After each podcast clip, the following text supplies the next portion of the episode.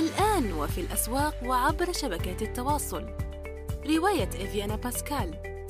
للكاتب يونس بن عمارة.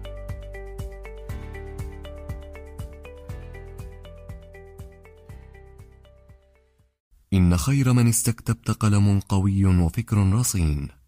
استكتب. منصة صناعة المحتوى النصي في العالم العربي. السلام عليكم ورحمة الله وبركاته في حلقة جديدة من يونس Talk. سوف يكون فيها موضوعنا اليوم عن الظروف القاهرة وهل هذه الظروف آه، يعني تمنعنا من تحقيق الأهداف المسطرة أو خطتنا التي وضعناها؟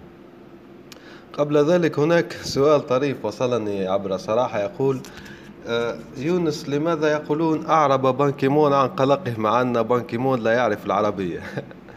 هو هو أعرب هنا يعني بين الإعراب هو آه، البيان. يعني حتى في اللغة العربية تعتبر نفسها هي اللغة آه، يعني أشد لغة وأفضل لغة تعبر عن أو تعرب عن مكنونات القلب. ولذلك يقولون يعني آه، عندما نقول الأعجمية فهي فهي مرادفة لعدم البيان يعني. والعربية مرادفة للبيان يعني. العربية ملتصقة جدا في أمور البيان والعجمية هنا ليست ليست يعني عرقية ليست جنسوية ليست ضد الآخر بل هي عبارة عن آه، آه، آه، مرادف للعي يعني عدم الفصاحة وعدم تبيين ما, ما في مقصود الإنسان. إذا أعرب هنا بين يعني بانكيمون أبدأ أبدأ. عوض نقول أظهر أو يعني نستعمل مرادفات أخرى وهي مستعملة كثيرا في البيانات الصحفية والأخبار الصحفية. إذا نذهب إلى موضوعنا والآخر الرئيسي وهو آه، هل الظروف القاهرة تمنع من تحقيق الأهداف المسطرة الظروف القاهرة هي في الحقيقة بهذا السؤال يعني بهذه الصيغة هل تمنع؟ نعم تمنع لأن اسمها أصلا الظروف القاهرة لكن الإشكالية التي يعاني منها كثير من الناس هي هل ما يمرون به فعلا ظروف قاهرة أم لا؟ يعني يجب أن نتأمل في موضوع الظروف الظروف كثيرة جدا. يعني مثلا هناك ظروف وهناك آه، فرص مفروضة وهناك مثلا مثل الفرص المفروضة عندما تكون آه، متخرج حديث وهناك مسابقة يعني مسابقة مناسبة جدا لك وأنت في عمل مهم آخر هنا عفوا تصبح هذه مثل الظرف القاهر ومثل الفرصة يعني المفروضة كما سميتها هنا. الظروف القاهرة الأخرى هي مثلا عند ولادة يعني أنت متزوج وامرأتك حامل وأتاها المخاض و آه، أنت تذهب معها إلى المستشفى يعني أو هناك لا قدر الله مضاعفات أو أبوك مريض أو أمك مريضة أو ابنك كسر رجله لا قدر الله. مثلا هذه مثل هذه الأنواع لأني ذكرت الأنواع هذه فعلا ظروف قاهرة يعني. وهناك المرض وهناك الحوادث لأن المرض يختلف عن الحوادث. هناك مرض يعني آه، خفيف الوطأة مثل حمى بسيطة ووجع رأس بسيط. لكن هناك أيضا آه، أمراض ذات وطأة كبيرة جدا. مثلا الشقيقة مثلا آه، الإغماء المتكرر. مثلا هناك مرض مزمن اسمه غلبة النوم. ليس اسمه العلمي على كل حال لكن هو معناه هكذا. يعني لا يستطيع المصاب به أن يستيقظ لمدة كبيرة أو تأتيه فترات نوم ضعيفة يعني خفيفة وهو يؤدي مهامه اليومية يعني في الصباح وهذا خطير في مجال السياقة ومجالات يعني التي تتطلب انتباه مهم جدا. مثل هذه كما قلنا هذه تعتبر ظروف قاهرة لكن الظروف ليست قاهرة مثلا الفقر. الفقر ليس هو ظرف قاهر يعني إذا كان فقر مدقع جدا جدا لكن ليس ظرف قاهر مستمر يعني ظرف قاهر مؤقت لأن تلك التي حكينا فيها سابقا أكيد أنها مؤقتة يعني لن تصبح آه، أنت لست السيد سليمان كما يحكي عليه السلام كما يحكي الكتاب المقدس لديه أربعة آلاف جارية أو أربعمائة زوجة وأربعة آلاف جارية كل يوم. وحتى كل يوم يعني تولد واحدة وتذهب معها المستشفى إذا كانت كاينة مستشفيات الوقت هذاك. إذا هذه ظروف مؤقتة يعني وتذهب.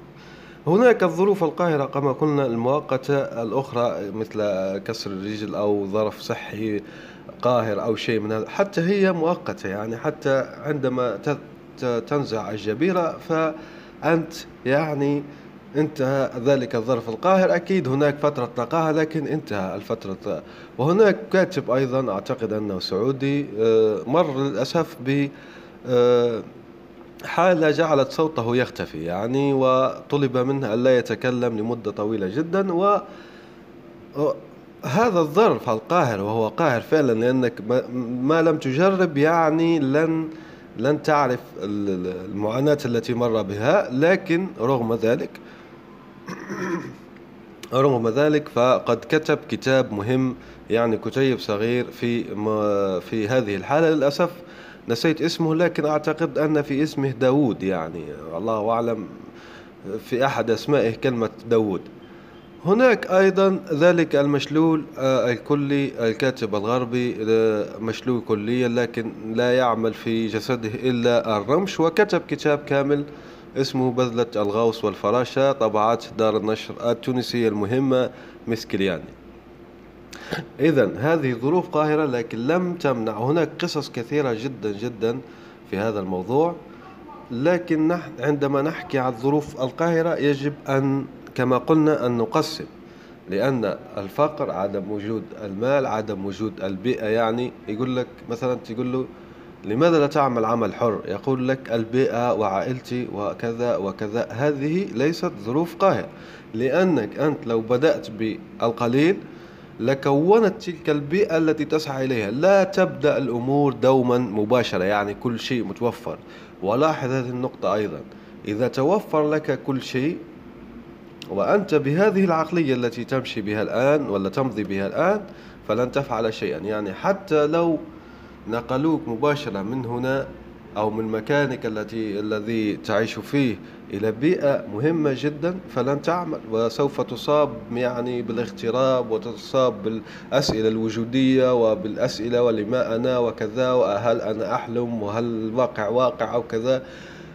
ولن يجيك حتى ديكارت. يعني ديكارت هو حارب هذه الشكوك لكن لن يجيك. لماذا؟ لأنك ليس لديك الوقت للقراءة. لأنك تقول هنا أنا أعمل أبني مستقبلي. لا أجد وقت للقراءة لمحاربة هذه الشكوك.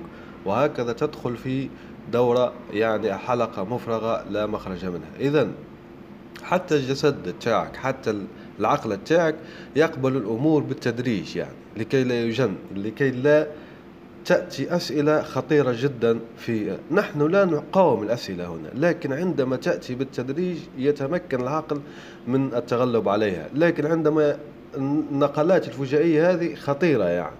لماذا ترى يعني آه، حتى الآن لم نرسل آه، رائد فضاء لمسافات طويلة جدا؟ لأن ما زلنا ندرس الموضوع. يعني كبشر ما زلنا ندرس الموضوع وندرس آثار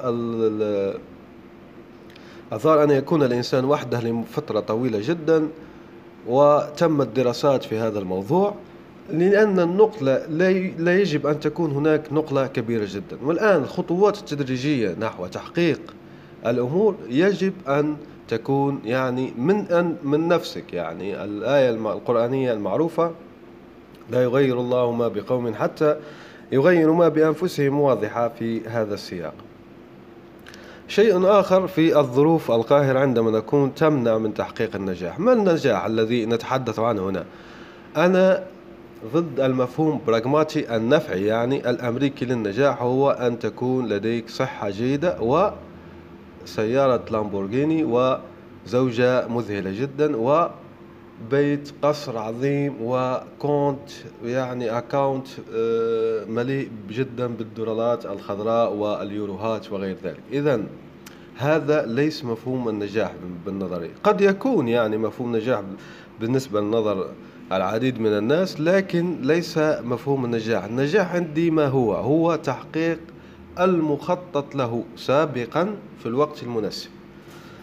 التعريف مهمة جدا. عندما تتضح تعريف في عقليتك تتضح الكثير جدا من الأمور. يعني أنت طالب طب تريد أن تنجح هذه السنة. حطيت مخطط أنك تنجح السنة هذه. نجحت. هذا هو النجاح. هذا الذي نتحدث عنه. هناك طبعا مدوا يعني مديات أو جمع مدى يعني مدد معينة للنجاح منها مدة طويلة المدى والقصيرة المدى والبعيدة المدى يعني نجاح في هذه السنة يمكن قصير المدى. نفس الشيء ينطبق على النجاحات الأخرى يعني.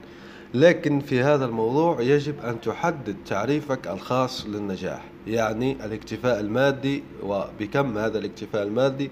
يعني مثلا الاستقلال المالي وكيف الاستقلال المالي مثلا الاستقلال الوظيفي وكيف الاستقلال الوظيفي وما إلى ذلك. يعني وبالقليل بالقليل سوف تنتقل إلى مرحلة أخرى وهي اختيار نمط كيفية تربية الأولاد وكيفية يعني اختيار المكان الذي ستعيش فيه والاختيارات يعني بين فتح مشروع خاص أو مشروع عام أو وكيفية الادخار أيضا كيف تدخر بعض مالك وكيف تستثمر فيه.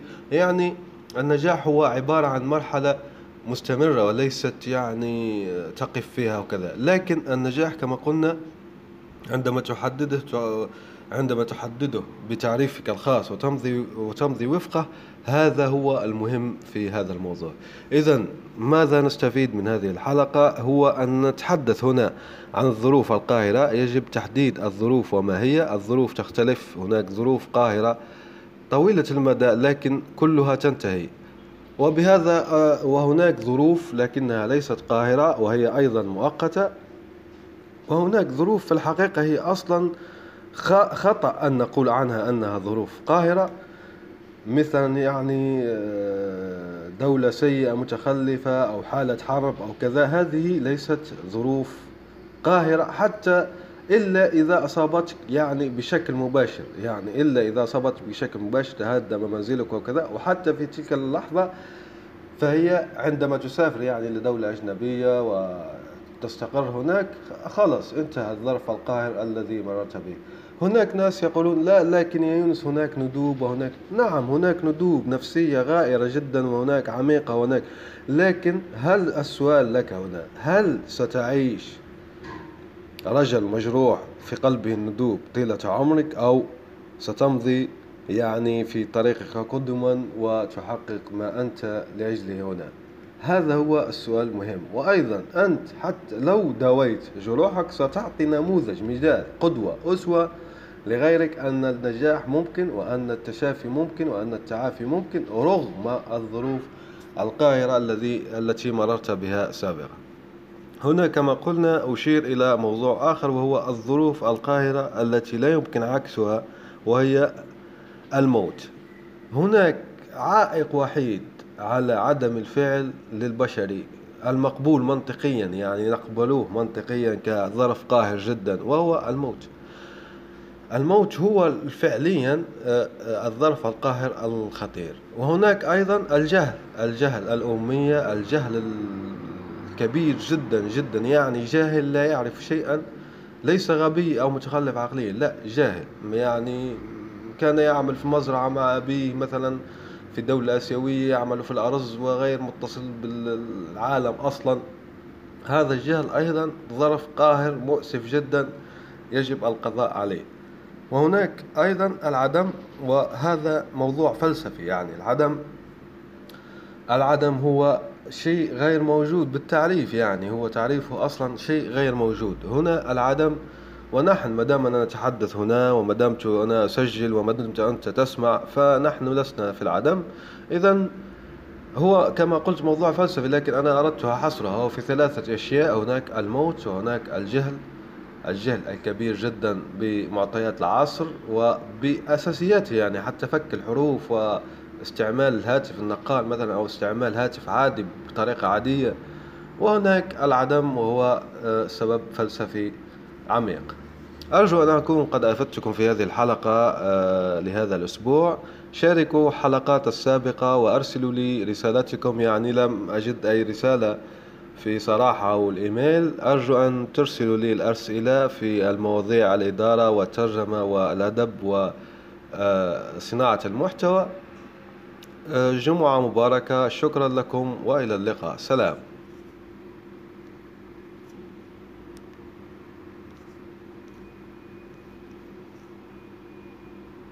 إن خير من استكتبت قلم قوي وفكر رصين. استكتب. منصة صناعة المحتوى النصي في العالم العربي. الآن وفي الأسواق وعبر شبكات التواصل. رواية إفيانا باسكال. للكاتب يونس بن عمارة.